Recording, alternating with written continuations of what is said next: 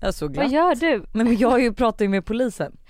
Förlåt men alltså vad är det som sker den här måndagmorgonen? För det är på riktigt också måndag idag när vi spelar in. Vi har aldrig spelat in på en måndag. Vi borde nog inte fortsätta med det kan jag känna. Nej.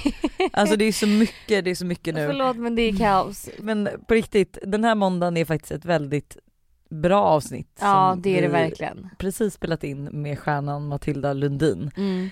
Ehm, och vi kommer prata om mäns våld mot kvinnor. Ja, Matilda har varit en bekant till oss sedan länge och eh, hon eh, kom eh, för två år sedan va? Ur en, en destruktiv relation, en våldsam relation. Exakt. Och vi har bjudit in henne till podden för att här, just lyfta det ämnet och för att prata med henne och höra på hennes historia om hur hon tog sig ut. Vad, hon, Vad man kan göra. Ja, som en vän. Och vilka, vilka liksom eh, jourlinjer som är bra att är Ett väldigt så här, informativt men väldigt spännande avsnitt skulle jag vilja säga. Mm. Men alltså hon är så vettig och som du sa, det är en bekant till oss och jag kommer ihåg att jag visste inte ens vad, vad hon har varit med om förrän eh, hon då gjorde den här jättestora eller jättestora, men hon gjorde den här plåtningen och den här filmen för Mm. The Orange Day 25 Mm. november. Eh, och jag kan säga att det var då jag förstod vad hon har varit med om. Mm. Eh, och lite där jag också var så här, gud det kan verkligen, det kan verkligen hända vem som helst. Mm. Eh, Och hon har även en foundation som heter Her Hour och så har hon även eh, en plattform som heter Her Own. exakt. Och du hittar Matilda på Matilda Lundins på Instagram om du vill veta henne. Men välkommen in till studion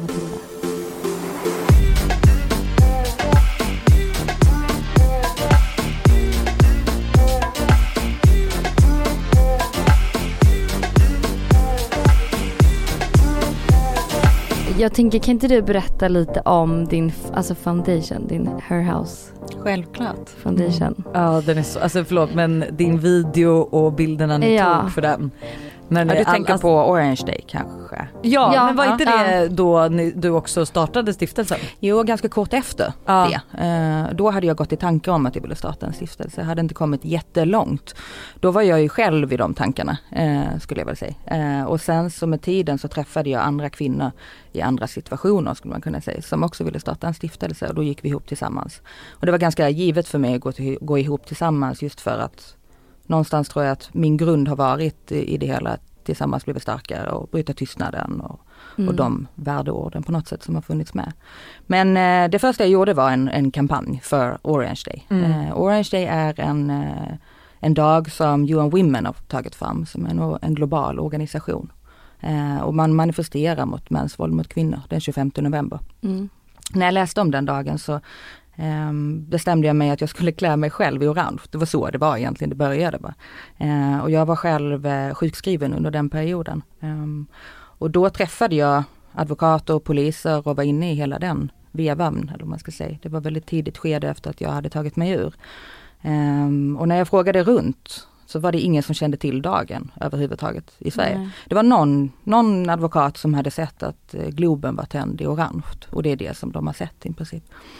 Så då började jag mm, sätta igång det kreativa eller vad man ska säga och eh, frågade runt bland nära vänner om de skulle kunna tänka sig ställa upp och göra en, egentligen bara en bild var tanken vi skulle sprida. Eh, och det var ju för att bryta tystnaden eh, framförallt. Mm. Eh, och på den vägen så blev det sen rörligt material och sen blev det då en viral kampanj som många stöttade, vilket var fantastiskt. Vi hade ingen aning att det skulle bli så stor spridning. Ni var ju med och spred den och Mm. ja, det var jättemånga som var, var med och spred. Mm. Nej, så jag hade inte heller någon aning om just den dagen så att i början så tänkte jag ju också att det var du som, alltså att du var den första som alltså satte den dagen. För att jag inte, alltså sen kan det ju vara så att man kanske inte uppmärksammar saker som inte man relaterar till liksom. Mm. Jag hade inte sett det någonstans liksom. Nej. Nej, det, blev- det fick nog en, en rejäl skjuts i den sociala, alltså just i de sociala kanalerna. För det har inte synts någonting i sociala kanaler kring Orange Day innan. Nej. Så att det blev ju verkligen en, eh, rejäl push. Mm. Eh, och sen så fortsatte det ju det här året och det har nog satt ganska många jag ska säga spår eh, i många organisationer att de också såg att, Mm. att man faktiskt kan använda sig av sociala medier också. Vilket Ja, jag tror att många organisationer inte har gjort innan. Sociala medier är fantastiskt på det sättet man kan få Absolut. spridning. Ja. Mm. Eh, så att, eh, ja, den var jättefin. Mm. Men och då startade du kort därefter Mm, kort efter det så äh, gick jag i tankar om att först starta ett äh, initiativ som jag kallar mitt hjärteprojekt egentligen, som vi lanserade vid jul. Det var det första jag arbetade med som var Her Own, som vi lanserade nu. Um, och det är egentligen mer ett, något som jag själv ansåg inte fanns. Uh, och jag kände mig själv otroligt ensam trots att jag hade polis, advokater och kunniga människor runt omkring mig som hjälpte mig att ta mig fram helt enkelt och förstå vad jag varit med om. Um, stöttade mig och, och, fick mig att förstå vad som var rätt och fel. För det suddas ut i en sån relation oftast. Mm. Um, och, uh, så att jag fick jättemycket hjälp av uh, Relationsvalcentrum som finns här i Stockholm. Men det finns bara i Stockholm så det finns inte i övriga Sverige. Eh, som det ser ut idag. Mm. Um, och de har, eh, de hjälpte mig otroligt mycket. Och, men hur som helst var det professionell hjälp. Så man känner sig ganska ensam just för att man inte träffar andra som har varit utsatta, för det var inte så många som pratade om det. Men eh, desto mer jag pratade, desto fler var det som vågade öppna sig och då förstod jag ju också att det här är definitivt ett ämne som behöver komma upp på ytan för att lyfta bort skammen. För jag tror att det är ju det som har legat som ett tungt mål i många, många år. Att man inte vågat berätta för att det har hänt bakom stängda dörrar. Mm. Och för att det är otroligt mycket kvinnor som inte har blivit betrodda också. För att just den rättsliga vägen kanske inte går hela vägen. För att det är väldigt svårt att, att döma mm. eh, i, i de här våldsbrotten då, vilket är. Men eh, så att eh, Her Own var eller är jag säga, för det är lanserat idag. Mm. Det är ett forum för våldsutsatta eh, och anhöriga eh, för att kunna prata fritt egentligen vad man har varit med om och någonstans kunna hjälpa varandra eh, och känna sig mindre ensam. Eh, och sen så är det även uppbyggt på en plattform med artiklar och krönikor. Så vi har Her Own Story där en kvinna i månaden berättar sin historia. Det kan jag väl säga att det var nog det som fick mig att vakna, vakna upp på riktigt första gången. Det var när jag läste en historia om en, en annan kvinnas historia i på nätet egentligen. Jag har för mig att jag bara googlade när man börjar förstå att det jag lever i är inte normalt. Eh, men ordet kanske då eh, kvinnomisshandlare som var det enda ordet jag kände till när jag eh, i, i det stadiet så att säga. Eh, så när jag googlade om det så fick jag upp artiklar, även om de var väldigt få, eh, och kände igen mig så otroligt mycket. Och då förstod jag att det är det här jag lever med. Och det här måste jag ta mig ur. Vilken väg ska jag ta och vem ska jag ta hjälp av helt enkelt. För man skäms otroligt mycket också för att man har levt i det och tagit det. För det är ingenting man pratar om med andra. Det är inte så att man går ut på tjejmiddag och så sitter man och pratar om hur ens partner behandlar en illa. För det är Nej. skambelagt, så är det ju bara. Men man vill inte ha det dömande, det är väl också det, det, det. att man vill liksom inte ha det här som liksom, men gud hur kan du låta det här? Mm. Mm. Men gud, jag har, så mycket, jag har så mycket frågor, men kan inte du berätta lite om Alltså, alltså lite bakgrund att, eh, för att det som jag kan känna är intressant att veta liksom att för förmodligen är det ju en bra relation till att börja med. Mm. Mm. Eh, men liksom vad, vad var det liksom det första som du kanske kan se på efterhand nu att så här, det här var då det allt startade. Mm. Eh. Ja, Eh, självklart. Eh, jo men jag tror att de flesta kvinnorna säger, så är det kanske jo men för de flesta i alla fall, vad jag har hört, så är det ju att man lite svävar på mål när man träffar en, en sån typ av man. Eh, och så var det verkligen för mig också, att man, eh, allting var nästan till perfekt de första veckorna. Ehm, lite för bra för att vara sant som många mm. säger och så var det ju verkligen. Sen så smyger det väl på. Alltså det tog mig ganska lång tid att förstå att den psykiska misshandeln börjar i princip efter några veckor. Eh, men att jag kanske inte riktigt förstod det då. Eh, så att idag skulle jag nog säga att det är det kontrollerandet framförallt. Sen så är de oftast otroligt duktiga på att manipulera en i situationer som jag minns när jag hade 30 missade samtal jag satt på kontoret. Det är ganska många mm. samtal missade. Eh, och min första reaktion var ju att jag trodde att någonting hade hänt. Mm. Och när jag väl ringde upp så, så hörde jag på rösten i irritation över att jag inte hade svarat. Um, och då förstod jag att något, det här stämmer inte. Men, uh, men han var väldigt skicklig på, jag vet att det var mycket klockrån i stan uh, under den perioden. Så att det var det första han sa, han vände liksom allting. Att, att han var orolig över att jag hade blivit överfallen för att jag inte svarade. Uh, och då blev arg på mig för att jag inte svarade. Att jag borde ha telefonen närmare för att han var bara rädd om mig. Så det är liksom att den här vändningen som man då inte riktigt kan hantera för att egentligen så tänker man att, eller där och då vet jag tänkt att ja, men han kanske bara bryr sig men 30 missade samtal är lite mycket. Mm. Eh, mm. vilket jag försökte säga men blev ändå motarbetad i det. Och eh, oftast redan då en maktutövning att ställa sig lite över en att eh, ja, men du måste förstå lilla gumman. Typ mm. att, mm. eh, och sådär. Så men och det här att han bryr sig. Jag, alltså, här, man kan ju inte bli arg på någon när den bara vill väl. Nej. Vilket man Mm. då tror att så här, Mm. okej men han var bara orolig. Mm. Då kan man ju inte liksom lacka ur och skrika heller för så funkar man ju som person. Mm. Liksom. Eh, Jo men man blir väldigt ställd Ja. eh, Mm. och blir direkt ganska tankspridd. Och, för man har, jag hade alltid genom de här ett och ett halvt åren ungefär en, eh, som jag fick säga, typ som en liten Matilda som satt på axeln genom hela resan. Som sa Mm. till att det här är inte rätt, det är någonting som inte stämmer. Eh, och det är framförallt den som nog fick mig att ta mig ur till slut. Att det var liksom det som var vaket fortfarande. För att det är lite så man känner sig när man kommer ur relationer också, att man har blivit hjärntvättad i princip. Mm. Ehm, och skulle du säga att, alltså, för då, ni var ihop ungefär ett och ett halvt år innan du lyckades liksom ta dig ut. mm.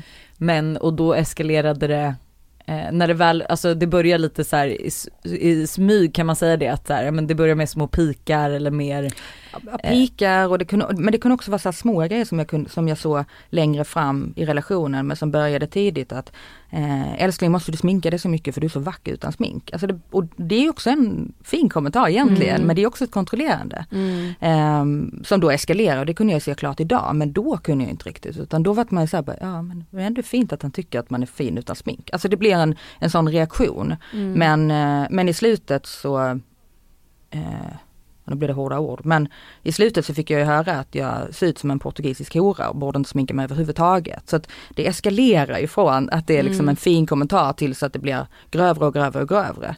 Ehm, och eh, enormt kontrollerande skulle jag säga. Att det, det börjar med att men du är mycket finare när du har korta ljusa naglar. Eh, och du, till slut fick absolut inte ha röda långa för det var bara horor som hade det. Mm. Så att liksom språket förändras ju eh, Mm. enormt med tidens gång. Men när man också lever, jag var i min förra relation så bråkade inte jag. Jag var inte van vid det och inte småtjafs heller.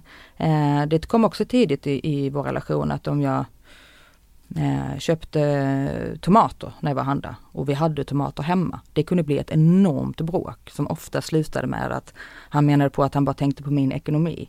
Nej, men, Att det var onödigt. Mm. Men man förstod ju där då, vi pratade om tomater. liksom. Alltså det är Mm. liksom, det är inte, det är men inga det är stora så summor små pengar. grejer så jag Ja. förstår ju också att man kanske inte re- riktigt reagerar för man är kär, Mm. eh, den här personen har varit, alltså det, man har varit på moln som du sa innan. Mm. Så att jag förstår ju verkligen att man, alltså om man kanske skulle ta sig redan då och börja skriva ner allt, att man kanske skulle Mm. reagera mer. Men då, man glömmer ju bort de här tomaterna rätt lätt. För det är ju inte heller kanske för någonting som man tar hårt på själv. Nej men det är en sån liten grej som händer en om, alltså Ja. eh, kanske vid ett tillfälle under en dag. Och då glömmer man ju bort det lätt sen. Mm. För det smyger sig på. Det är inte så att, jag tror inte det finns någon kvinna som fortsätter dejta en kille som ger en, en, ett slag första dejten. Det finns ingen som gör det utan Nej. det kommer ju successivt. Oftast börjar det ju med psykisk nedbrytning egentligen eh, och sen kommer våldet efterhand och det är inte alla som blir utsatta för eh, fysiskt våld utan det kan ju, du kan ju leva under psykiskt våld i, i 10, 15 eller hela ditt liv egentligen. Mm. Eh, så det är inte alla som går på fysiskt men det börjar oftast med det. Men jag tycker också, för jag tycker att det här är så viktigt, för det här är också så här, där kan jag nog skämmas lite över att man, alltså jag själv har tänkt att det, typ att det här kan inte hända mig. Mm. Lite Mm. så. Mm. Och det, alltså usch, jag, alltså man mår ju dåligt när man säger det nu, för men jag tycker ju på något sätt att det är så bra då att det kommer, alltså att det här, att man pratar mer om det. Mm. För att då förstår man ju så här, det här kan hända alla. Mm. För det blir också lite så här att man då också kanske ska hålla utkik oavsett vad man har för tjejkompisar runt omkring sig. För att jag tror att alla som sitter här och känner någon som har kanske varit med om det du har varit med om eller liknande, eh, vet att så här, man tänkte i början att så här, det här kommer aldrig hända henne. Mm. Eh, för det kan jag tycka själv är att så här, ett litet wake-up call man har fått de senaste typ två åren. Att, ehm, att det kan hända vem som helst. Alltså det Mm. kan hända mig, det kan hända dig. Alltså Mm. det är ingen skillnad på, alltså för de, de som utövar det här är så skickliga på det de Mm. gör. Mm. Ja och sen så, ja statistikmässigt var tredje kvinna har varit utsatt för något form av våld. Mm. Så jag menar det är, det är, det är ett av Sveriges största samhällsproblem vi Mm. har. Så att det, men, men sen börjar det ju inte heller i en, det är inte så att Lars 40 år börjar slå när han är 40 utan det här är ju ett, ett beteende som har börjat i en ung ålder. Liksom. Mm. Eh, så att ja absolut, det kan verkligen, det är vem som helst. Mm. Eh, och det har jag, tror jag samhället har förstått idag. Och det var också en av mina ehm, drivkrafter tror jag Mm. genom att starta stiftelsen men också kan jag delvis gå ut med det jag har varit med om. Sen har jag ju byggt hela stiftelsen på eh, mer eller mindre ehm, eh, hålen i samhället som jag stötte på under vägen tillbaka eller vad man ska säga. Mm. Och, men du, val, du valde ju att lämna då efter ett och ett halvt år, men du sa det att du flydde liksom mitt i natten, tog du bara? Mm. Eh, ja det fick vi göra, det blev väldigt hotfullt. Eh, och jag hade min mamma och hennes mamma, eller hennes väninna på besök. Så att eh, vi fick ta oss därifrån helt enkelt. Och där började min resa ut ur det. Hade du vågat berätta för någon då innan? Vad som hade hänt? Eller vem var det första du, vem var den första ja, du öppnade upp det till? Nej, jag, jag, tror att de sista månaderna så förstod nu mycket vänner. För att då var jag väldigt, väldigt tillbakadragen. Plus att då hade ju också folk sett skador på kroppen och, och blåmärken och sådär. Och det är klart att då börjar man undra helt enkelt. Mm. Eh, men tror jag framförallt att de förstod på mitt beteende. Eh, att jag, det var inte likt mig. Och jag tror att många av mina vänner också sagt att, och tänkt att jag är den sista som skulle utsatt för det där. För jag har alltid mm. varit ganska hård och liksom haft skinn på näsan och inte låtit folk säga vad de vill och, eh, och, och sådär. Eh, men så ändå kunde det hända mig. Men vad, men hade, ju... du, vad hade du för mönster som de, alltså var det här typiska att man drar sig tillbaka? Ja det skulle jag nog säga och att eh, jag var inte mig själv så som jag, in, alltså, så som jag hade levt innan. Framförallt var jag inte den glada tjejen utan väldigt ner, neråt alltid. Mm. Eh, och var oftast inte med, gick oftast hem. Eh, och sen tror jag att de också märkte på kontoret att eh, eh hur stressad jag blev när det ringde och jag minns det, alltså för det blev så normaliserat för mig för det var så min verklighet såg ut. Men omgivningen reagerade för det var inte normalt för dem att jag kunde komma till kontoret och så 20 minuter senare så liksom rusar jag därifrån för då har jag glömt att gå ut med soporna och just springa allt vad jag kan hem för att ta ut dem innan han kommer hem för lunch. För då vet jag att är inte soporna ute då mm, händer någonting när jag är tillbaka. Exakt. Mm. Eh, så att man trippar på tå i, i allt, eller det gjorde jag framförallt. Att man, eh, att man hade 100% koll på allt just mm. för att inte det skulle eh, ske någonting som skulle kunna leda till då bråk som jag det var väl det första jag vet också som polisen ändrade på mig. Allt jag berättade i förhör och sådär. Det var, ja men när vi bråkade eller sådär. Det var, det var ju så det såg ut för mig. Eh, det var det jag också fick höra. Eh, det låter bisarrt men jag, så var det ju för mig också. Jag fick ju höra att om jag inte eh, Älskling om du inte vänder dig om och går så slår inte jag dig. Så det är bättre att du bara står kvar. Det är en ganska sjuk mening mm. men det var mm. verkligen det jag levde med och det är oftast det de, de styr ju alltihopa. Eh, och till slut så vågar du inte gå därifrån utan då blir ju personens ord ens lag för att man är så rädd för att det ska, man är rädd för sitt liv. Och mm. det är nog ganska svårt för andra att sätta sig in i en sån situation. Eh, att, att du inte vet, för att en människa är ju oberäknelig i en sån situation. Eh, alltså jag tror alla kan förstå hur det är att vara rädd för ett lejon, för det har vi sett på TV allmänt liksom, att man mm. springer ifrån det. Eh, Men oavsett också rädd för kanske en förövare, alltså utomhus på vägen hem från Absolut. klubben. Men det är ju, ja Ja absolut, för du kan bli överfallen var som helst. Men det blir ännu, när du har levt med en person som då kanske visar olika personligheter eller just när de får de här raseriutbrotten. Jag vet att jag ofta satt på, på, på golvet och höll för öronen och, och skakade in sig fram och tillbaka och ändå bad honom bara kolla sig i spegeln. För min förhoppning var att när han såg sig själv i spegeln så skulle han vakna upp. För i min värld var han ju svart liksom. Det gick mm. inte eh, att komma i kontakt överhuvudtaget.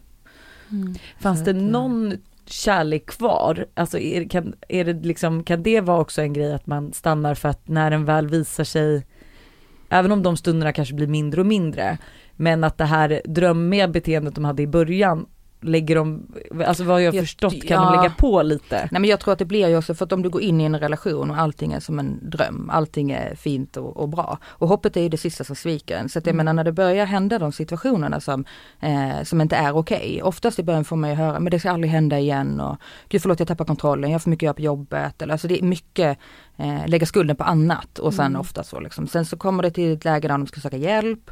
Eh, så att det är ju det här hoppet hela tiden om att det ska komma tillbaks till det man gick in i på något sätt. Mm. Och det tar ganska, det, eh, det finns något som heter våldscirkeln som man pratar om hur våldet brukar te sig och att det då börjar med det våldet då, antingen psykiskt eller fysiskt och sen om det kommer skammen från mannen och sen börjar en smekmånad om igen för att då är det fint och härligt och bra och sen så går det liksom som en cirkel. Och den cirkeln kan den kan vara på ett år i vissa fall. För det är inte alla som får de här utbrotten så ofta. Eh, det är väldigt olika från förövare till förövare helt enkelt. Mm. Eh, I mitt fall kunde jag i slutet, då var det varannan dag. Eh, och då är du så pass nedbruten så att du hinner knappt ta dig upp på sängen innan och liksom hämta kraft tills att någonting nytt händer för att du ens ska orka gå upp på sängen. Mm. Um, alltså gud det är så hemskt. Mm. Ja det blir en, det, det, det eskalerar ofta ganska snabbt. Mm. Uh, det gör det. Och då är det svårt att ta sig ur. För att man, hjärnan hänger nog inte med. Uh, jag vet att det var en forskare som sa en gång som jag tyckte var väldigt bra för att andra skulle förstå. Om ni tänker er själva att ni ställer er i en dusch och ni står och duschar varmt och så plötsligt blir det kallt. Eh, och din första reaktion är ju att du måste ta det därifrån för att du fryser. Eh, men precis då så slår det varma på igen. Mm. Och vad gör man då? Re alltså den mänskliga reaktionen är att du stannar kvar för att du måste bli uppvärmd igen. Mm. Eh, och så är det lite i bandet mellan en, eh, en förövare och en, eh, just hur det är, eh, relationsbandet mm. och de, eh, hur det funkar. Att man liksom, det är svårt att ta sig ur eh, mm. i situationen så att säga. Och det här kanske låter som en konstig fråga men på, alltså, för jag tänker ju också så här om man tittar tillbaka på det eh, hade man, alltså hade du då hellre sett att du lämnat första gången han ens visade någonting? Eller är du glad att, alltså inte glad, men mm. är, man, är du ändå liksom på något sätt tacksam att hela det här hände så att du liksom verkligen, alltså så man inte går tillbaka, förstår du? Mm. Just, alltså det är en konstig fråga, det här är ja, mer för mig. Men, nej, att, men, ja, nej det är en bra fråga egentligen. Um, jo men på ett sätt så är det klart att jag önskade att jag redan då, eller att någon kunde liksom sagt till mig att det här kommer inte bli bättre, det dra. Att det är det bästa liksom. Eh, samtidigt så skulle inte jag suttit här och gjort det arbetet jag har gjort om inte den här vägen hade gått den här vägen. Eller man ska säga. Eh, och idag är jag nog mer tacksam att, att, att jag kom ut då. Mm. Och inte om, eller fått barn eller stannat kvar. Jag tror att hade, hade inte min mamma kommit på besök den helgen så hade jag ju inte antagligen kommit ur den kvällen. Sen även att jag själv hade börjat processa och förstå att det här, jag måste hitta en väg ut. Hur gick det till när du, alltså när du väl började förstå, för du sa ju det att du började googla eh, och liksom började inse att här, det här kanske inte är så här andra har det. När mm. var det du liksom insåg det eller var det någon som sa det till dig och du? Ja men jag tänker också lite så här vänner runt omkring. Det var mm. ingen som såg någonting heller där. Jo det, men jag tror att det, det är så svårt också att ställa en sån fråga. För uh. det är en ganska eh, skulle jag nog själv tycka. Eh, ställa den frågan när man inte är säker. Mm. Eh, sen tycker jag att vi generellt behöver bli bättre på att fråga hur man mår. Alltså stanna upp i vardagen kanske, framförallt med sina närmsta vänner. Vi gör ganska sällan det. Vi mm. frågar hur är läget eller hur mår du och, och man kanske ser att någon är ledsen. Eh, men vissa grejer är ju ganska tuffa att ta upp och att det är inte helt fel ibland. Då. Jag tror inte heller man själv, förlåt att jag avbryter, men jag tror inte att man hade vågat, alltså hade, hade alltså det, det, är också så fegt att säga, men att så, anta något. Mm. Som, mm. som du också säger, nu har man jobbat för att, liksom för att det här kanske ska vara mindre, man ska inte skämmas lika mycket när man pratar om det, det ska normaliseras mer, inte för att det är normalt, men så att fler kommer ut och berättar sanningen. Men att det kan ju liksom betyda avslutet på någons vänskap. Alltså om jag skulle komma till dig då och liksom på något sätt ändå mer eller mindre anklaga Sku, förstår du? Just ja, den. det är jättesvårt. Den, och det jag tror att det är jättesvårt att vara den, eh, någons bästa vän eller nä, alltså nära cirkel mm. till någon det här sker. För det är någonting du kanske inte har på svart och vitt om du kanske inte verkligen ser något hända eller verkligen ser bevis. Mm.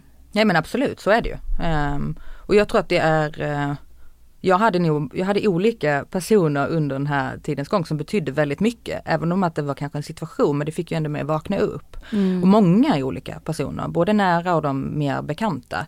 Eh, något tillfälle när, när någon verkligen frågade om ett blåmärke till exempel. Eh, och det är inte ofta man vågar göra det men jag tror att det är viktigt att göra det för vi får ju gärna att för att om inte omgivningen säger någonting, då tror man inte att det syns utåt heller. Um, och då blir det också i ens egna huvud att även om att man hemma förstår att den här personen gör mig illa. Eh, för det, det, kan man ju förstå, för att det gör ju ont. Man har ju känslor om man blir ledsen eller man gråter eller det gör fysiskt ont. Eh, men om ingen annan runt om lägger märke till det så förmildas allting. Mm. Och då blir det lite som att förövaren det han gör, det är kanske inte så farligt. Men så om omgivningen runt omkring reagerar och börjar i alla fall ställa frågan. Man behöver inte just gå fram och fråga, blir du slagen hemma eller behandlar han dig illa? Utan att kanske snarare att man börjar med att fråga, hur mår du? Jag märker på det att du är inte som du brukar. Och mår du bra? Eller försöker mm. leda in på det. Mm. Um, Sen hade jag Bisse till exempel, hon var den första som frågade mig rätt ut. Eh, och det var väldigt, väldigt vågat. Hon frågade mig rakt ut, slår han dig? Mm. Eh, och det, det, är inte många som frågar den frågan. Det är jag väldigt, väldigt tacksam för idag. Det var en vecka efter det som jag kom ut. Så att, eh, Vad svar, vågade du svara då eller var det mer att man får det här äh, Gud hon undrar ju för att det är inte normalt.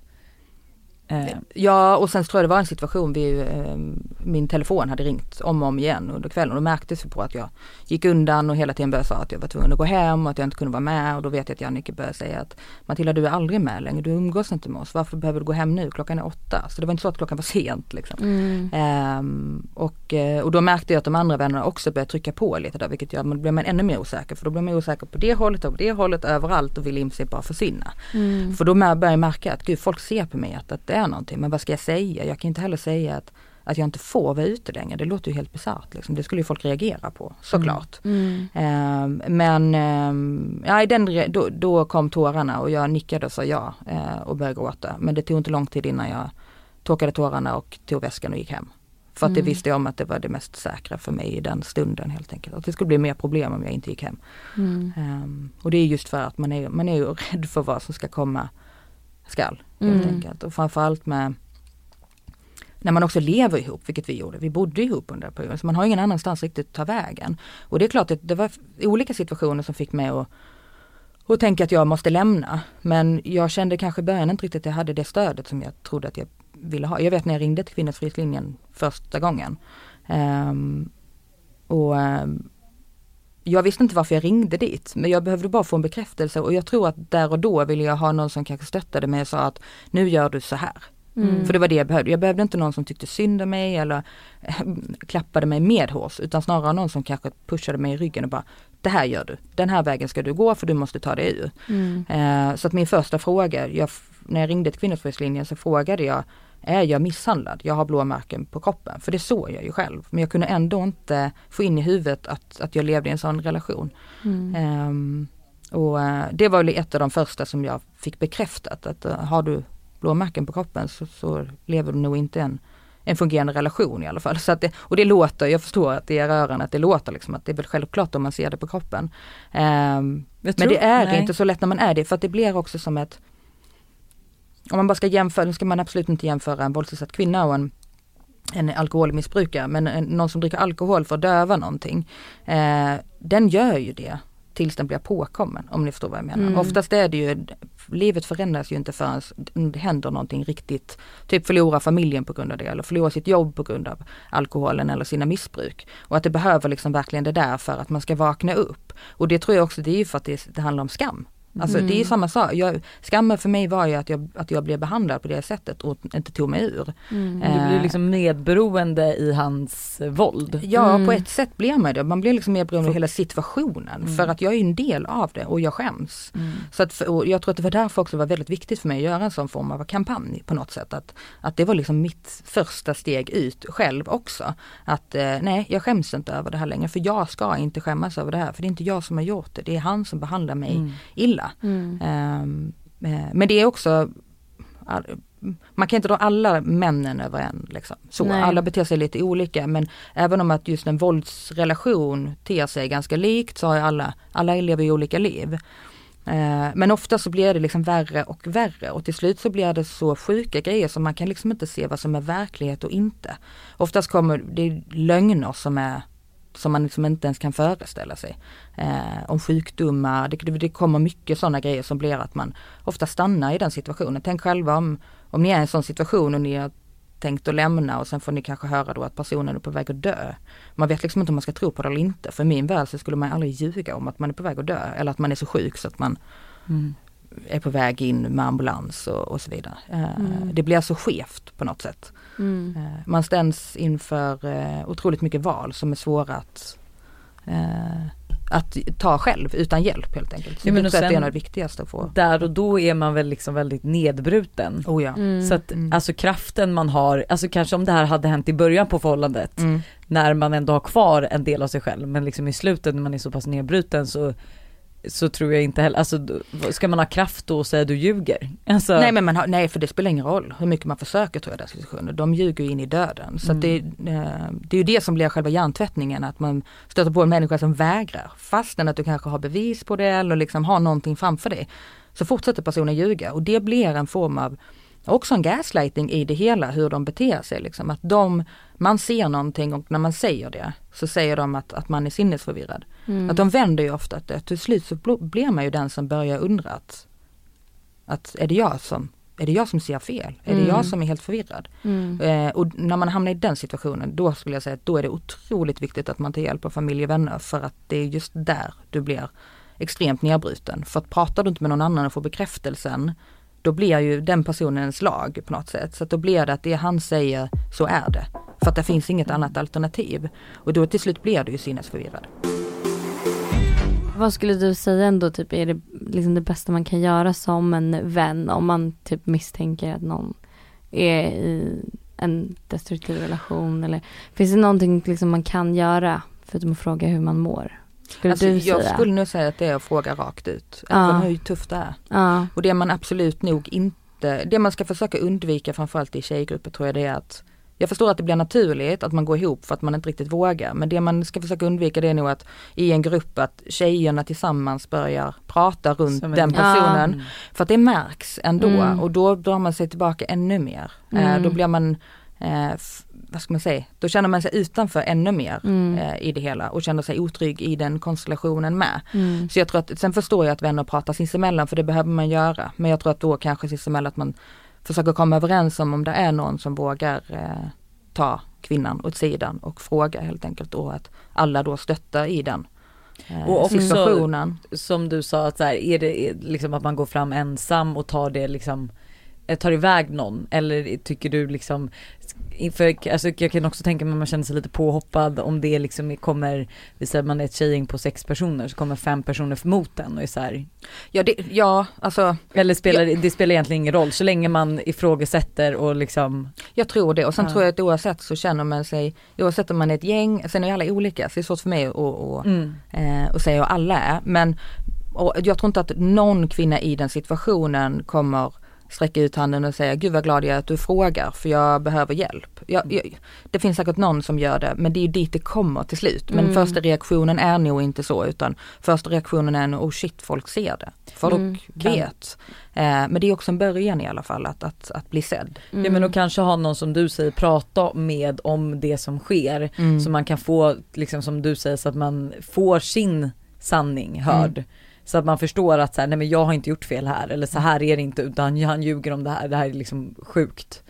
Eh, så att man har någon Men att det- prata med innan man kanske också, Ja och sen tror jag idag så kan man hitta mig betydligt mer på nätet än vad jag gjorde för ja, men lite mer än två år sedan när jag själv satt och, och, och kollade och då som sagt hittade jag en artikel. Och det var som her own, hela, vi byggde upp det på var artiklar och krönikor för att det skulle vara lättare att läsa om våld och vad det är för någonting.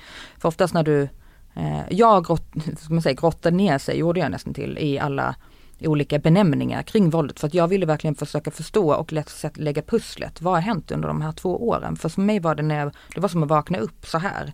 Eh, och förvisso i en helt ny värld för att från att komma från en, en relation där man var kontrollerad, när du väl kommer ut och polisen blir inkopplad så blir du mer eller mindre i en sån situation också kontrollerad hur du ska leva ditt liv.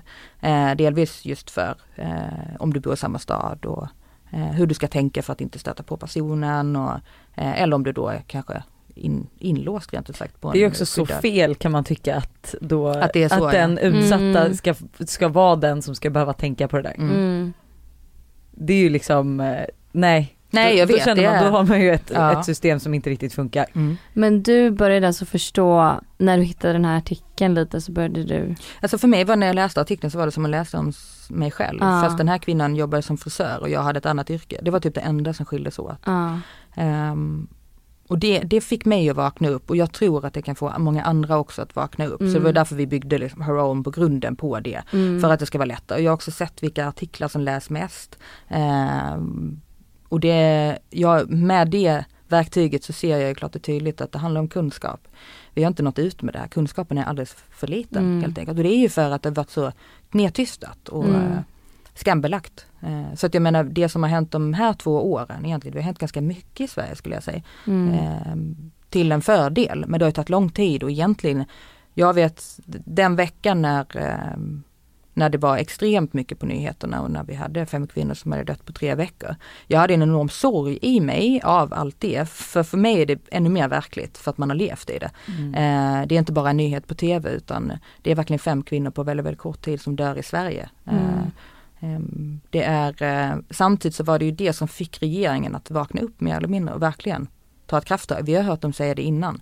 Vi får se vad som händer framåt nu utan nu behövs det verkligen åtgärder. Mm. Um, det kanske det... också var liksom återigen liksom sociala medier för det lyftes ju av väldigt många. Exakt. Mm. Uh, och jag tror att alltså Mm. Det blir deras sätt att se vad som händer. Eh. Jag bara kollar på allt som har hänt den senaste tiden mm. egentligen, mm. alltså kring media. Alltså man mm. både kollar på Lamberts och, och Paolo och uttalande som verkligen inte har varit okej. Okay. Mm. Um, och vad som har varit med, med, i media och vad som inte har varit med i media och att det är inte bara jag tror det här har ju fått en enorm spridning, alltså mm. mäns våld mot kvinnor i alla led. Även mm. vi går in och pratar om, eh, om porren och prostitution och mm. det, allt det förgrenar sig lite i samma. Mm. Eh, för det är ett, ett, sort, ett, ett sorts våld mm. helt enkelt. Så det mm. behöver inte just vara relationsvåld utan det har ju tagits upp mäns våld mot kvinnor i det stora hela. Men, och då, men du lämnade då ett och ett halvt år senare, men då, alltså då var det liksom i panik med då din mamma och vem mer var med sa du? Mammas väninna. Ja. Eh, jag, vi åkte ner till Skåne, eh, där jag är ifrån, mm. eh, dagen efter. Och eh, jag sov i ett par dygn. Så att jag, jag minns inte så jättemycket för de dagarna. Eh, man är ganska omtumlad. Eh, men sen så ringde jag till polisen för att jag behövde hjälp med att få ut mina saker. För så mycket förstod jag och det sa mamma också att du var det första inte... gången den helgen hon fick reda på det eller hade hon? Hon har nog haft aningar innan tror jag. Mm. Och det var där, det sa hon ju också, att hon kom upp för att, att hon kände att någonting inte stod rätt till. Liksom. Mm. Um, det tror jag man gör som mamma i, i, ett sånt, i ett sånt läge helt enkelt. Var det det han också blev arg på? Eller för, alltså när, eftersom ni då fick liksom... Att hon kom upp? Ja. Nej för det tror jag inte han förstod. Nej. Utan det var en annan, situa en annan situation under kvällen som gjorde han extremt upprörd. Mm. Uh, och sen tappar han väl kontrollen helt enkelt. Mm. Men, uh, men så att när jag ringde till polisen första gången så behövde jag hjälp för att få ut, hur får jag ut fin, var, var vände jag mig? Jag hade ingen mm. aning var jag skulle vända mig. Uh, och när jag ringde till polisen så frågade de om jag kunde berätta lite vad som hade hänt och då gjorde jag det och då ville de även typ ta in uppgifter helt enkelt. Och direkt när jag hade gett uppgifterna så bad de mig om eller de frågade om jag kunde tänka mig att göra en anmälan. Eh, och då sa jag att ja, eftersom jag, om ni anser att det att det är det jag bör göra så är det klart att jag ska göra det. Man är så förvirrad så att man vet alltså, jag, inte. Exakt, jag man har ingen aning. Vad, vad, ja. vad hon säger liksom, mm. ja men tycker ni att jag ska göra ja, det? Nej men man är, ja. man vet liksom inte. Man mm. har ingen aning. Det är Nej. som att kastas in i en helt ny värld. Jag, jag själv har aldrig haft kontakt med polisen innan ens. Så det, det, blir också, också, det är också skrämmande. 11, vad ringer man då mm. liksom 114 114 och liksom Ja det, det tillfället gjorde jag ja. det. Ja men alltså men annars, sån grej, hur, ja. vem ska jag ringa och vad, hur ska jag berätta det här? Hur ska jag förklara? Men där gick det ganska snabbt eh, efter det. För mm. då, de tog nu det på stort allvar efter det jag hade berättat och sen har de ju sitt register och de kan se andra saker som säkert får dem att eh, veta lite hur de ska hantera situationen. Men eh, och, då, eh, och då kopplades eh, personsäkerhetsgruppen in. Eh, jag blev uppringd av eh, socialtjänsten, relationsvåldscentrum, en jour ringde. Alltså under den dagen så ringde det hur mycket samtal som helst och man har ingen aning om vad det ska leda till. Eh, men jag kom in och fick förhör väldigt snabbt. Eh, vilket var ganska skönt. Jag hade rätt många dagar förhör. Eh, och fick eh, jag hade vänner och, och, familj runt omkring men, men när, när polisen ringer och säger att du ska förhöra så får du information om att du har rätt till ett målsägande beträde. Men ja, antingen skaffar du det själv eller får du ringa till oss och så får du en av oss. Det är i princip det du får reda på. Eh, mm. och jag har aldrig haft en advokat innan, vet inte heller hur man, var man ska vända sig. Nej. Så det är verkligen, allting är som en ny värld och du ska lotsa mm. dig fram på något sätt. Och där hade jag vänner som hjälpte till med en advokat, så det fick jag. Um, och fick väldigt mycket stöd runt omkring bland vänner och familj såklart. Uh, och även alla instanser som blev inkopplade helt enkelt. Mm. och då successivt börjar man förstå vad man har levt i. Och det är en resa i sig skulle jag säga att många tror, eller samhället tror att, att när kvinnan har kommit ur att det är som att, oh, nej men nu är hon ju ute, vad skönt, då, då kan hon leva på som vanligt. Men det funkar inte så, livet kommer aldrig bli som vanligt för mig igen efter man har levt i en sådan relation. Mm. Eh, det handlar om att bygga upp sig själv igen, men det är ändå ett trauma du får med dig resten av livet. Mm. Eh, och ehm, jag, fick, jag har fått hjälp med PTSD och sådär, så det, kan jag, det har jag arbetat mycket med de två senaste åren. Jag reagerar inte som jag gjorde för två år sedan. Eh, men det behöver nästan till de flesta. Det är ju, en PTSD-behandling är samma som eh, en traumabehandling för de som varit i krig. Det är ungefär samma man reagerar. Mm. Det är lite det man, man flyr för sitt liv oavsett om det är en pistol eller en människa eller om det är inne i, i ditt egna hem. Det är mm. samma som man.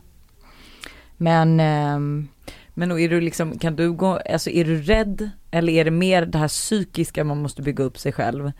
Eh, men är, eller är det också ja, men situationer där du är rädd eller? Liksom... Ja, men idag tror jag att, jo men både och. Alltså, och det är, också, det är väldigt olika såklart också. Hur, vad man, bor du på ett skyddat boende direkt till exempel och du är där tills rättegången är över. Då är du över hela det alltet och då kan du börja jobba med dig själv efteråt och börja bygga om ditt liv igen till en viss gräns, sen kommer mannen ut. Så det är också olika om du har hotet kvar eller inte. Mm. Um, så det är, det är, väldigt olika från person till person.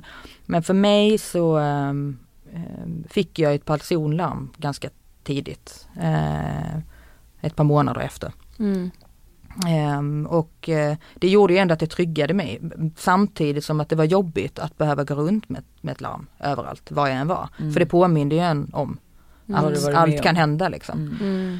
Um, sen var det en, try en trygghet på ett sätt också. Jag hade det larmet ungefär i ett och ett halvt år och det är ganska få kvinnor som får personlarm generellt mm. uh, i Sverige. Vi har inte så många.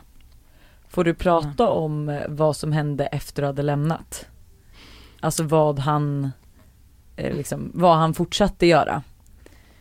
Ja, alltså i och med att jag fick mitt larm eh, ganska tidigt Eh, sen tror jag nog att vissa delar kom, alltså, Hur kommer det sig att du fick larmet från första början? För eftersom att som du sa, alla får inte det.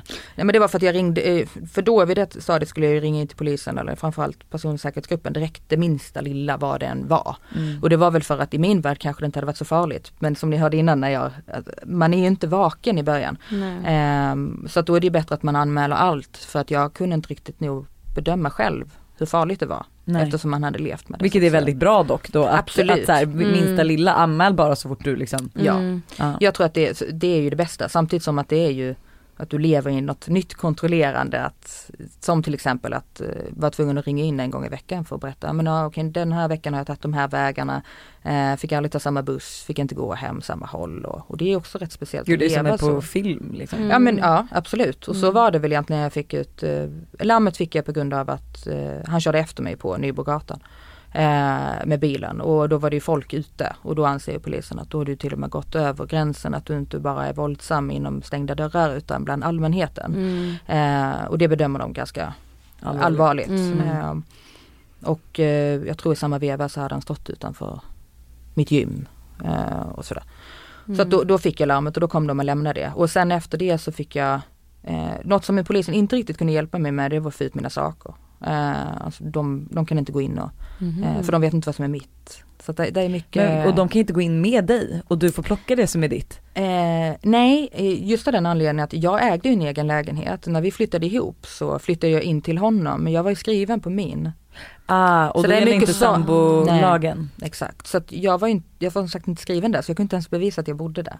Man blir så jävla arg mm. när man ba, bara en sån grej att så här, du, du har gjort det här och du kan liksom inte ens bara ge tillbaka mina saker så jag kan liksom få Eller han, i, i början då sa han att, uh, att jag fick komma, men då fick jag komma själv. Men det sa polisen blankt nej till. Mm. Jag fick absolut inte gå dit. Uh, och jag fick inte ta med någon av mina vänner enligt honom för att ja, det fick jag inte. Nej, så det, det fanns liksom aldrig några alternativ och, och, det var också rätt så krävande för mig. Det vet jag att min advokat sa till mig att jag förstår om du inte orkar Matilda men ditt bästa sätt att få ut ditt liv rent ut sagt. För jag hade ju allt där för, på grund av att man bor ihop. Eh, du vet så små saker skulle jag inte bry mig om men det enda jag fick med mig det var min dator och lite träningskläder. Så att, och bor man ihop så har man ju rätt mycket det är ju egentligen hela, men det är ju hela ens vardag, mm, det kan ju vara ja. saker som man inte ens tänk, tänker att man saknar men ja. som när man väl kommer därifrån att så här, bara det. Ja, mm. och att man hade nog det är klart att man vill ha ut sina, sina saker. Så där mm. bör ju finnas kanske någon mer form av hjälp än vad det är idag. Idag är det handräckning via Kronofogden men det tar flera, flera månader och då behöver du skriva ner du får en lista där du skriver ner allt du har i den bostaden. Och då ska det liksom, mm, vad det är för plagg, vilken färg, vilken storlek, var det mm. hänger. Mm. Ni kan själv tänka hur lång tid det tar att skriva en sån lista ah. helt enkelt. Så att, mm. eh, enligt min advokat och polisen så var det ju det bästa sättet är om du orkar Matilda, hålla ut och liksom eh, och ta samtal för att försöka få ut dina saker. Eh, det orkar jag till en viss gräns, sen orkade jag inte mer. Eh, men på den vägen då fick jag ut några kartonger och fick eh, hjälp av ett flyttbolag. Men det var också många vevor. Mm. Jag tror att det var eh, sex omgångar innan jag fick ut sakerna. Eh, och då vet jag att de kom, flyttbilen kom och de innan de öppnade flyttbilen, för det var några vänner till mig som har bolaget. Då, då sa de att, bara så du vet, han sprayat ner allting i, i parfym. Så att allt, jag, jag kunde inte ha kvar någonting utan det var, det var ting med fläckar på flyttkartongerna. Den var liksom totalt nersprayad i hans parfym. parfym ja. och, oh, och samtidigt som jag fick det så fick jag informera min advokat att nu har jag fått ut, jag tror det var tre flyttkartonger som var halvfulla. Um, och när jag fick ut det då um, tog det ungefär 20 minuter. Då ringde polisen upp och skickade bilder på små GPS och sa till mig att du måste gå igenom alla dina saker efter de här små GPSerna. När du är klar med det så måste du flytta kartongerna för du får inte ha kartongerna där du bor för tillfället. Eh, och allt det här får du råda med själv. Liksom. Eh, mm. Och det är det jag menar med att det blir det här kontrollerande efter och det är ju för ens säkerhet och det är bättre att göra så. Men mm. det blir ju också som att eh, vad, är vad, vad, vad lever jag, i? Ja, ja men alltså vad lever jag i? Det, här, mm. det här är helvetet 2.0, är det så här jag ska leva? Mm. Uh, och de flesta är ganska ensamma i, i det. Mm. Jag har kvinnor som har kontaktat mig som inte ens får stöd eller samtal eller uh, hjälp från socialtjänsten. Så att det är verkligen väldigt olika hur pass mycket hjälp man får. Um, så jag hoppas att se en uh, en stor förändring framförallt för eh, att det finns den hjälpen som bör finnas för mm. kvinnor när man tar sig ur en sån relation. Och stöttningen framförallt och sen kanske en, en, en, bättre en bättre form av någon behandling skulle jag säga att skulle behövas efteråt för att hjälpa kvinnan att bygga upp sig själv igen. Mm. Um. Och visa, har han visat någon ånger efteråt? Alltså liksom typ bönat och bett att du ska komma tillbaka eller alltså förstår du? Eh, ja, eh, ja det, det, gjorde han. Men kanske inte på ett mänskligt sätt.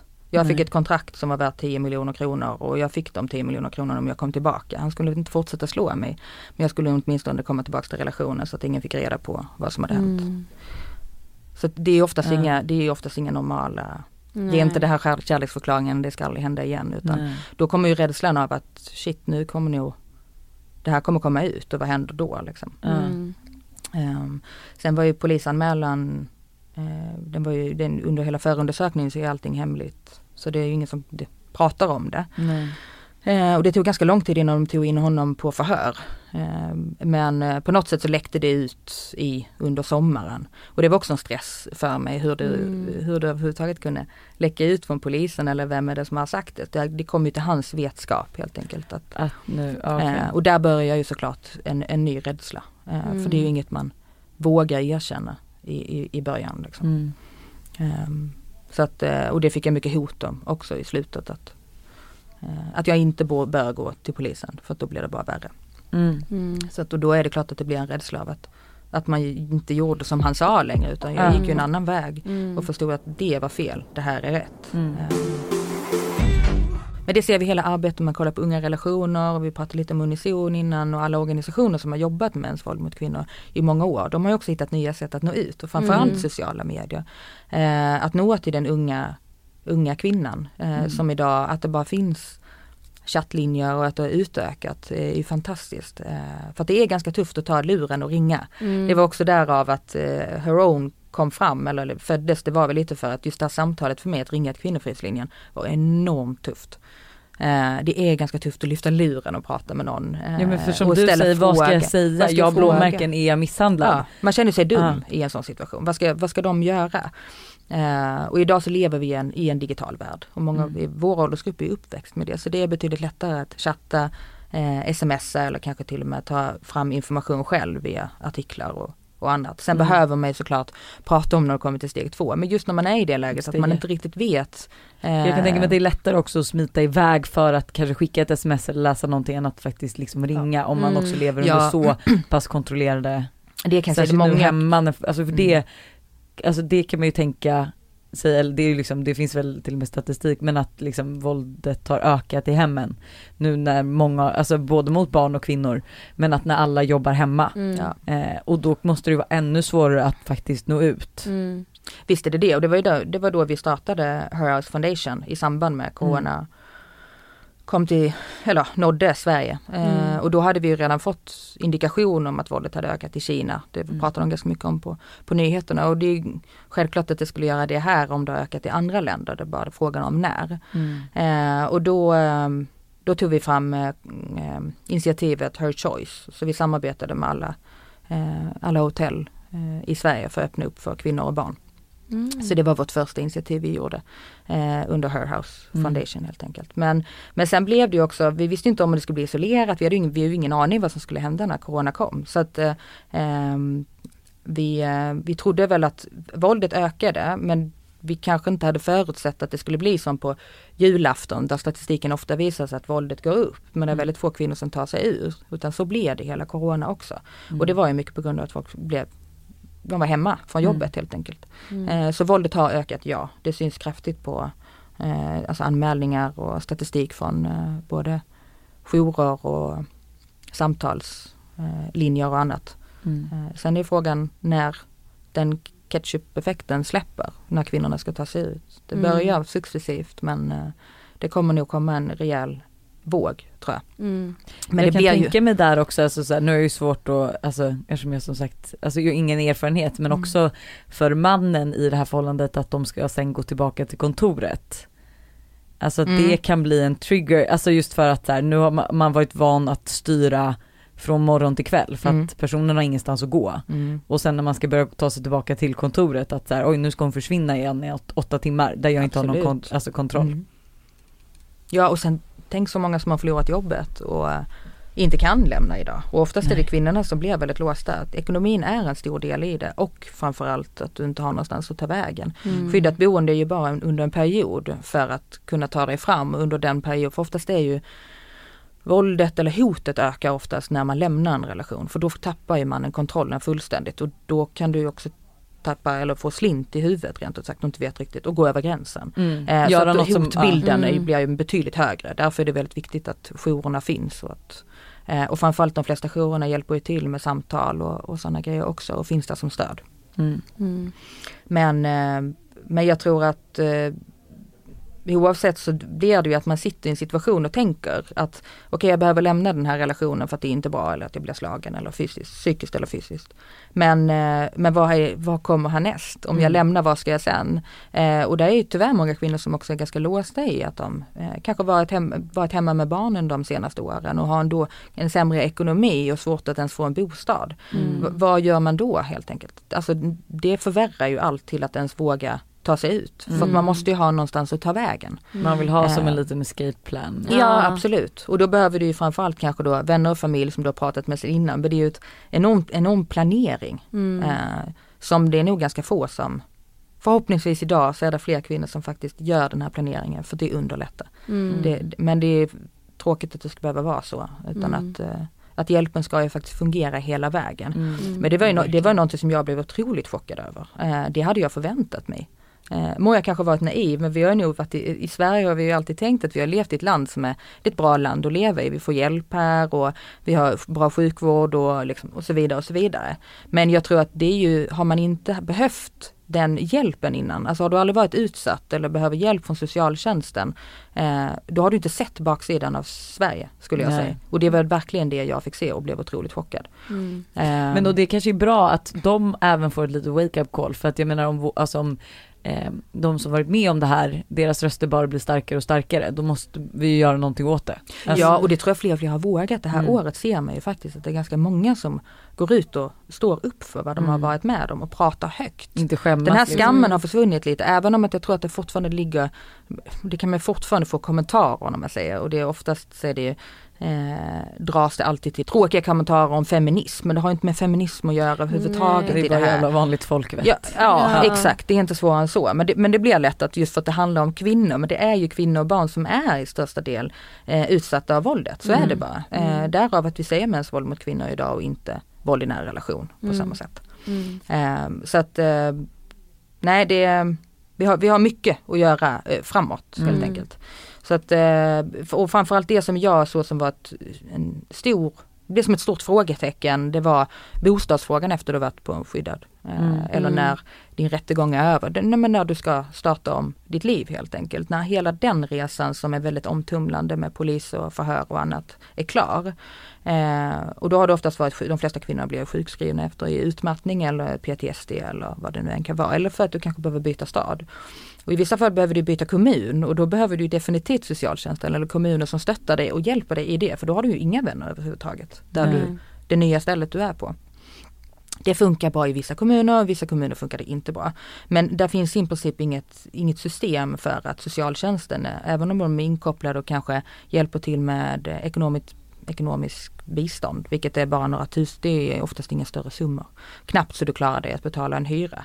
Men de hjälper inte till med någon bostad. Vissa är för att det är Mm. snälla, godhjärtade människor som jobbar där. Men, men det, är, det är inte någonting som faller eh, inom deras arbete att de måste göra. Och det var för mig väldigt chockerande över att de inte ens hjälper till med en bostad Mm. eh, i, inom kommunen. Nej. Så att det var väl där som, det var det som mitt arbete med stiftelsen började med. Och då var det att jag tog fram ett socialt hållbarhetsarbete mot privata fastighetsaktörer. Och framförallt de som är börsnoterade. För de behöver jobba med eh, samhällsfrågor och socialt hållbarhet. Eh, Mm. och, eh, och då såg jag att det är, jag har sett framförallt de här två att det är väldigt mycket privatpersoner och företag som vill hjälpa till. Men de vet inte riktigt hur. Ehm, Så att när vi tog fram det här eh, sociala hållbarhetsarbetet så eh, började vi samarbeta med K-fastigheter som är nere i, i, i Skåne, ett stort börsnoterat fastighetsbolag.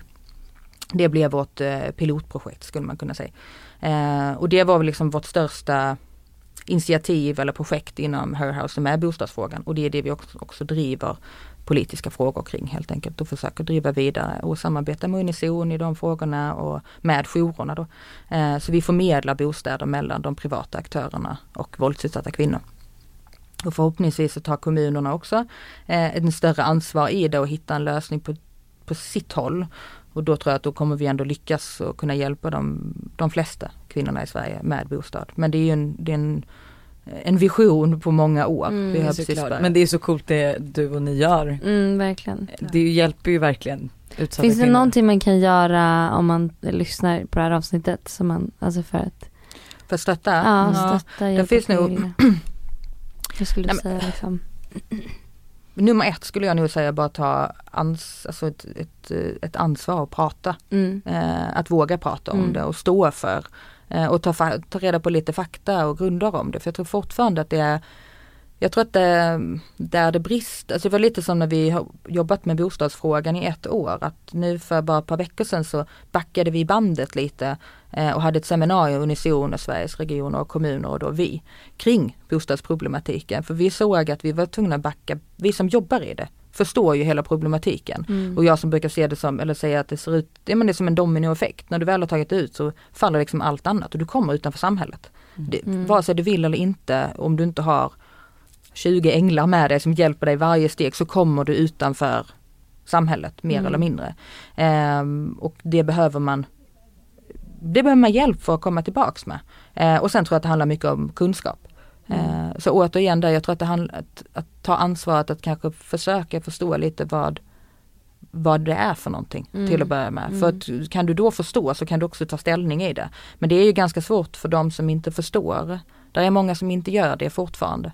Eh, Så det är väl steg ett skulle jag säga och sen så kan man ju fortfarande Det är många organisationer som letar volontärer Mm. eh, just för att sitta på chattar och Ja men det vet jag att en tjejkompis till mig gjorde. Kommer Mm. inte ihåg vad det hette men det var någon sån här tjejchatt. Så hon liksom hade Ja. några timmar i veckan som hon satt och så här skrev med, ja Mm. chattade med unga tjejer som, Mm. Man kan ju också, alltså för det vet jag, jag har en, eh, alltså ett kvinnohem som jag ger kläder och alltså framförallt produkter som Mm. vi influencers får överdrivet mycket av. Jättefint. Mm. Ja. Ehm, och hon kommer och hämtar och de blir jätte, alltså även om det ibland kan vara smink, alltså så här, man kanske inte liksom, men de vill göra sig fina eller så. Ja. Eh, så att det är ju också Ja men ett tänk tips att kolla. själva. Ja alltså, Alltså, Mm. även om man det är de ytliga grejerna men man har ju levt ett liv och så från en dag till en annan så sitter du bakom stängda dörrar kan i princip inte ringa dina vänner. Mm. Och du har inte ens att du kan tvätta ditt ansikte i princip nej men hon sa ju vissa kommer ju alltså Ja. absolut med ingenting. Ja, så att Helt- alltså, allt för att komma tillbaka till det här lite normala. Ja. Ehm, Jo men det blir det, lilla ljuset för dagen. Ja men sätt, exakt, man- även om det, Ja. man tänker ju, för det var ju min första jobb, men gud, de, alltså så här, jag kan ju inte skicka smink liksom. Mm. Det känns ju dumt. Men då var hon såhär, alltså allt. Mm. Framförallt kläder men också smink. Så det kan ju vara också en grej, för det vet jag att jag bara började googla och sen eh, Alltså fråga omkring.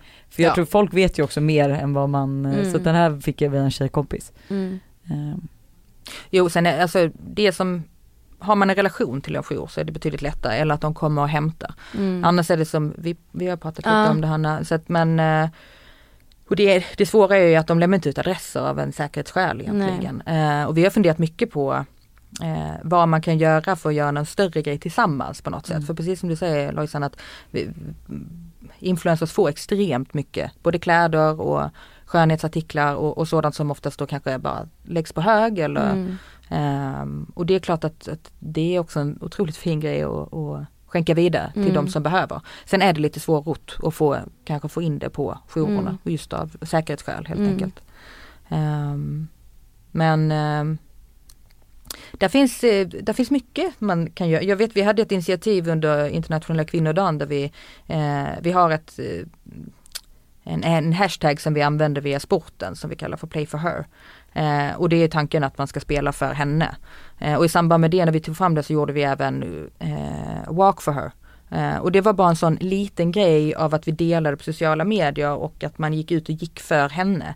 Alltså det var länge sedan jag blev så, fick så mycket DM från kvinnor som lever i det eller har levt i det eller är på väg ur, som har någon anknytning till det. Där de kände sig sedda. Att det är Mm. så lite från att, för det är svårt att man, man är verkligen utanför världen på något sätt i den situationen för att man är så otroligt ensam. Så bara att se på sociala medier där hela världen lever vidare, att man ser att en annan kvinna eh, bara t- lägger upp att de är ute och går för henne, vilket innebär att hon åtminstone tänker på henne. Mm. Det gör mer än man tror. Alltså det är Mm. så lite som krävs egentligen bara att, att, att lyfta ämnet. Eh, men finns det, eller vill du kanske också berätta, dela just her own och alla de här, för det är en plattform, eller hur? Ja, Her Own är en plattform och Där ett man kan- forum. Ja. Eh, ehm, Som, man man hittar, kan- som är en hemsida, inte ett Ja. Instagramkonto. Eh, det, har- vi har en Instagram också men det är framförallt forumet som, Ja. som lever och artiklar. Så det, Ja. det är en plattform. Eh, och Her House eh, har vi såklart vår, vår hemsida Mm. till. ehm, för det som vi, det aktuella helt enkelt, det vi gör Mm. idag. Och sen tyckte du kvinno, kvinno... Nej men kvin- Kvinnofridslinjen Ja, exakt. framförallt om, om man vill eh, ringa och eh, få stöd helt enkelt. Hur man ska vända sig, var man ska ta vägen och, eh, och alla frågor man har. Och sen så har vi unga relationer, eh, Unison Mm. just för att komma i kontakt med kvinnojour.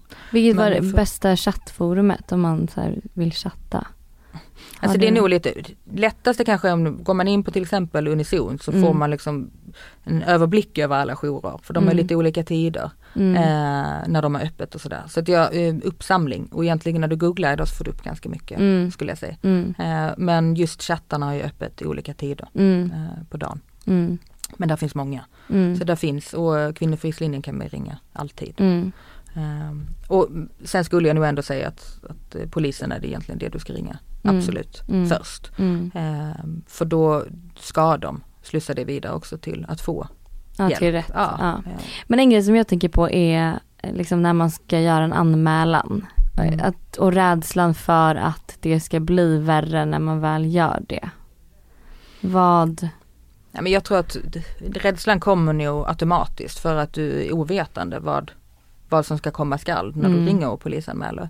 Eh, men eh, jag skulle väl säga att du får det stödet av polisen, eller det ska du få. Mm. Eh, och att man ska, att det är bättre att ställa fler frågor eller inga alls. Mm. Eh, för att det är en ny situation för alla Mm. skulle jag säga. Det är ju det är som att göra någonting nytt i alla lägen plus att det här har ju med med, med ett brott att göra. Så Mm. det är inte konstigt att man, att man är rädd för att man vet ju inte vad det, vad det ska leda till. Och man, precis som, det kan också vara att man är rädd över att det ska nå till själva förövaren. Mm. Eh, och, och det är väl viktigt att, att man har stödet runt omkring sig som hjälper en med om det är så att att det blir ett ökat hot Mm. eh, och att man har familj och, och, och vänner. Men det är ju som sagt så här det, alla, det ser ju olika ut för alla hur det, hur det ter sig. Om Mm. de har frihetsberövad och eh, sitter i häktet eller om personen är fortfarande på gatorna och går och kvinnan flyr eller om man har barn. Eller, Mm. Det är väldigt, väldigt olika. Eh, Mm. Men ja, jag, jag tror att de flesta har nog en, en rädsla av att, att anmäla. Mm. Men jag skulle nog också säga att oavsett hur, eh, hur pass långt man kommer i, i, en, i en rättsprocess så tror jag ändå, så skulle jag ändå säga att jag uppmanar alla att, att anmäla. För även om att inte den situationen som man själv har varit med om leder till fällande dom så har ju personen åtminstone fått sitta i förhör och stå till svars till för det den personen har gjort. Mm. Sen är det svårt att bevisa saker och ting som händer bakom stängda dörrar. Mm. Men framförallt så tar du dig ut ur någonting som inte Men kan bli exakt. värre. Ja. Ja, du tar det ut och det är ju din egen resa också. För att Mm. någonstans så är det bara. Du, du, du kommer du alltid vara tvungen att göra ändå. Mm. Du kommer, det är du själv Du som reser dig igen. punkten. Mm. Eh, sen behöver du stöttning och någon som pushar dig i rätt riktning.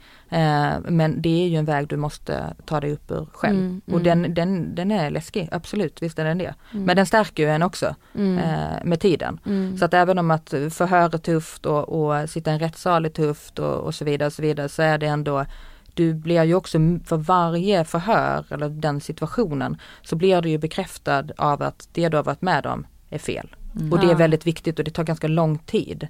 För det suddas också ut med tiden. Så att eh, det är, jag, ty- jag tycker att det är viktigt att gå igenom den resan för sig själv. Mm. Ehm, för att du ska också leva ett, ett, ett långt liv och det är ju ingenting du kanske bara ska lägga ner i en ask och, Nej. och bevara ditt trauma bättre. utan Mm. ja, få hjälp med att reda ut det där. Mm. Ehm, så jag tycker, ja Mm. det är viktigt att, att, att gå den vägen och även om att det skulle visa sig att den kanske blir nedlagd, vilket tyvärr många blir i Sverige, alldeles för många fall blir nedlagda.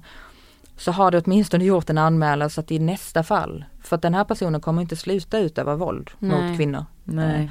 Så att det hjälper ju där är nästa. jättebra. Ja, ja. Så, Så nästa tjej som kanske är med om det här, är tjej eller kille då, Ja. på, får ju, kommer ju se det här. Då Ja. kommer de ha det med sig. Ja, Mm. och till slut så blir det ju antagligen förhoppningsvis en fällande dom om Mm. personen fortsätter. Mm. Eh, Så att jag tror ändå att jag tycker att, och ska man tänka, det är ju något man faktiskt kan göra i den situationen. Jag förstår att man kan vara rädd eh, och att man tänker på sitt eget bästa. Sen så måste man ändå kanske hitta en eh, sin egen väg såklart. Mm. Men det man kan göra för medmänniskan och de andra, framförallt vi kvinnor kan hjälpa varandra genom att faktiskt göra en anmälan. Mm. Även om att det är tufft att göra det, gör en anmälan. Det kanske inte leder till fällande dom, kanske inte leder till förhörens.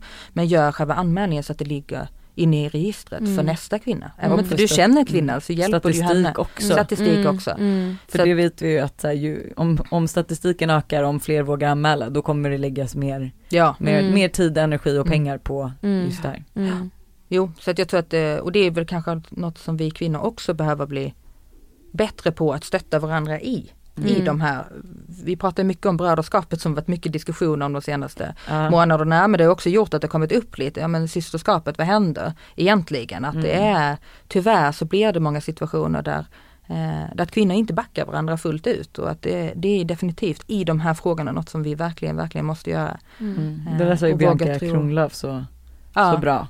ja Mm. verkligen. Att det är liksom, män kan till och med backa alltså, våld, alltså kompisar som är våldtäktsmän, Mm. då sitter de och backar medan vi liksom Mm. snackar skit om lite allt möjligt. Ja Och- och framförallt jag tror att eh, både snacka skit men också att, att det är en eh, en tvekan på något sätt. Mm, Alltså män mm. är ju väldigt såhär, nej nej men jag backar honom till tusen. Mm. Eh, jag har varit med om, om närstående eller kompisar, kanske inte ska kalla dem vänner, men, men kompisar som kanske har ifrågasatt. Jag kan förstå eh, för att det handlar om lite kunskap egentligen, men att det nästan tillkom till att det har varit en ganska lång process.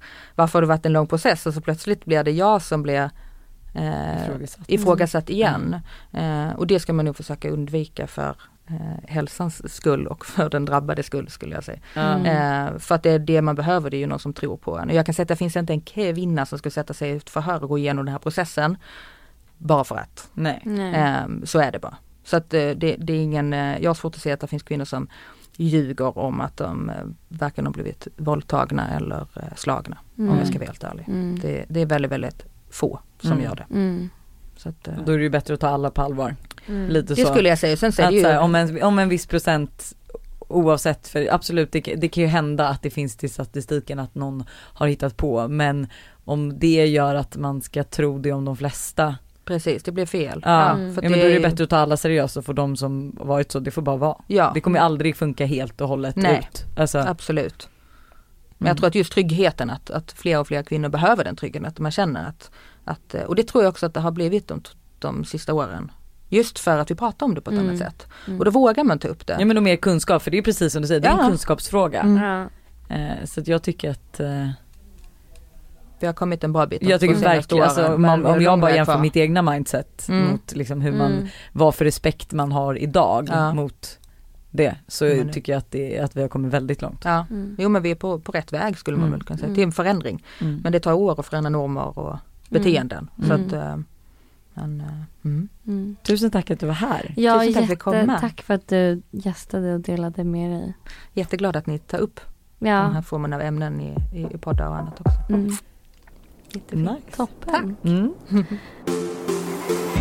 Så det var veckans poddavsnitt. Jag hoppas att ni tyckte att det var alltså, viktigt att lyssna på. Mm. Och tack för att ni tog er tiden och som sagt Matilda sa ju vad man kan göra eh, för att egentligen göra någonting. För alla kan faktiskt, faktiskt göra någonting. Mm. Och eh, jag tycker ni ska gå in på Matilda och eh, kolla Börja lite vad hon henne, gör. Börja kolla följa henne och häng med eh, på vad hon gör. För hon ja. gör skillnad och hon hjälper så många kvinnor där ute. Ja, Ha det! ha det.